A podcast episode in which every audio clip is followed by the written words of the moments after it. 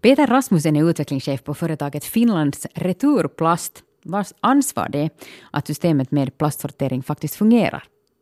Bakom Finlands Returplast står de cirka 2000 finländska företag med minst en miljon euro i omsättning som säljer antingen inhemska eller importerade varor som förpackats i plast och som i och med det har ett så kallat producentansvar för att plastförpackningarna också kan återvinnas efteråt.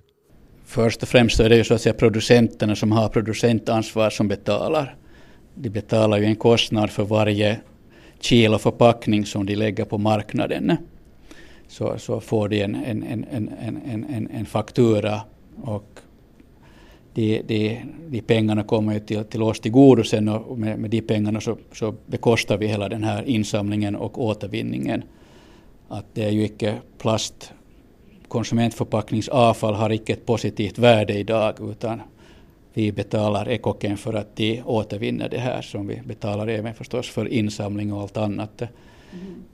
Sen förstås är det frågan om för, för producenterna att är det, är det någonting, en kostnad som de kan tillföra produktpriset, som är ju det vanliga förstås. Eh, att man kan väl säga kanske i slutändan är det konsumenten som betalar det här.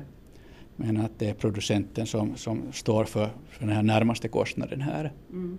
Och alltså, man, ett företag meddelar då hur mycket ton de använder förpackningar och betalar enligt det? Då?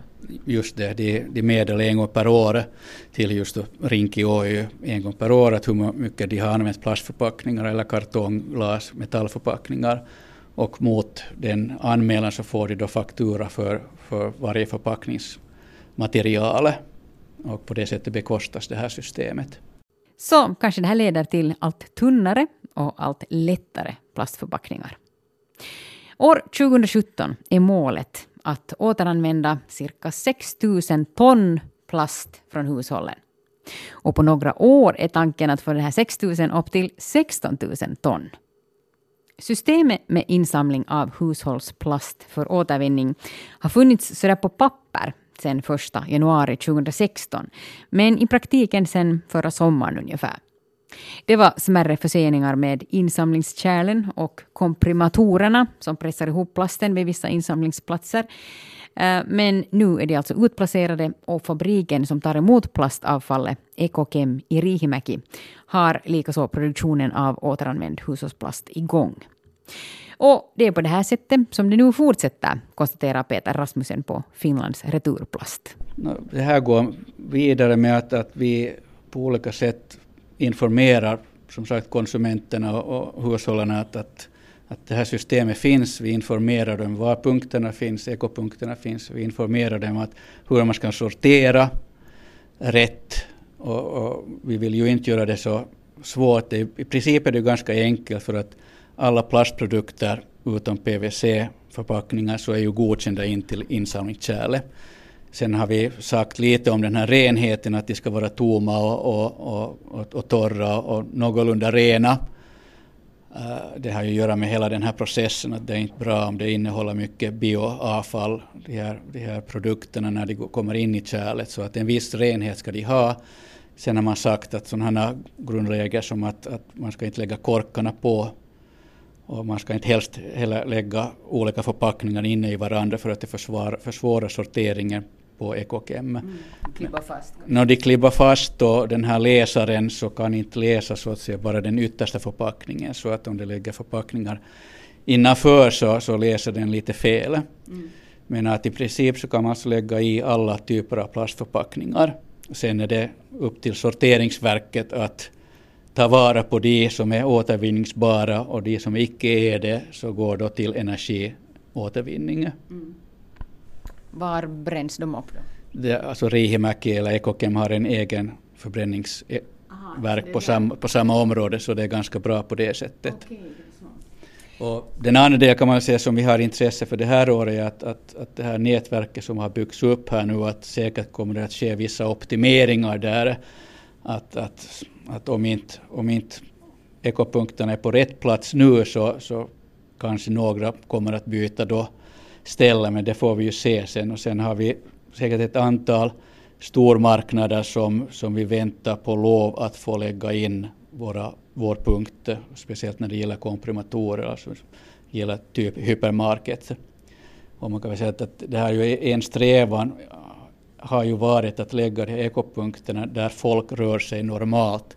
Och då gäller det ju närmast så att säga butiker och storbutiker och, och typ hypermarkets eh, där folk kanske då besöker butiken åtminstone en gång per vecka och kan föra sina, för sitt avfall dit. Det har varit tankegången i, genom det här. Det är också någonting som lagstiftaren har så att säga skrivit in i, i, i, i lagen och förordningen att de här punkterna ska helst ligga där folk rör sig normalt. Så det handlar om en liksom kultur som vi måste skapa nu, att alla tillsammans, både konsumenter och butiker och, och, och det här, kommunernas beslutsfattare och så här, att bygga den här infrastrukturen och så här.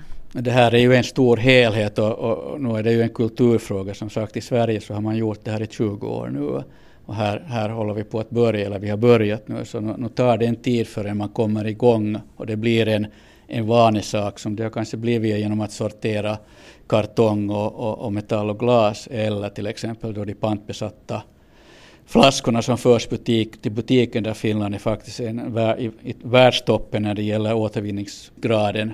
Mm. Att, att det, det, tar tid men att, att det är viktigt att, att, att, att man håller framme det här och marknadsför det här och, och kunskapen och, och vetskapen finns där. Men sen är det upp till konsumenten eller hushållen att, att, att, att agera. På sikt så ökar alltså mängden sorterad och återanvänd plast, antagligen, och dyker upp i allt fler plastprodukter. Just nu håller man till exempel på att tillverka förvaringslådor, plastfat, ämbar, vattenkannor med mera som för första gången görs av uttryckligen hushållens plastavfall. Tidigare har man haft industrins plastavfall och förstås helt jungfrulig ny plast. Så hurdana visioner finns då för framtiden? Så här säger Peter Rasmussen, utvecklingschef på Finlands Returplast. Man kan säga visionerna kommer, kommer väl så många visioner från, från EU här. Att just för tillfället håller ju EU-kommissionen på att, att, att, diskutera fram eller arbeta fram nya, ny målsättning för, för till exempel plastförpackningsåtervinning. Där man talar om, om mycket högre återvinningsprocenter än, än idag. Och uh, man talar mycket om det här kretsloppstänkandet och resurs, resursekonomi. Att, att nu finns det ju förstås i, i framtiden det att den här sån här typ av aktivitet kommer att öka. Sen är ju frågan förstås att på, på vilket sätt man, man, man samlar in och, och tar tillvara de här produkterna. Att vid Ekokem har ju en, en anläggning som heter Ekojalastoma där man från blandavfall före det går till energiåtervinning så bortsorterar till exempel plast och kartong. Och det, är, det är ju en möjlighet i framtiden också att, att, att sköta det här. Så säkert kommer det att finnas många olika sätt att, att samla in plastförpackningar till, till återvinning. Ekopunkterna är, är, så att säga en, en möjlighet men att det finns även, även andra som då typ fastighetsnära insamling eller sortering från bland, blandavfallet. När det gäller plastsortering precis vid husknuten så pågår det till exempel i Helsingfors ett test där 3000 fastigheter håller sig med eget plastsorteringskärl på gården.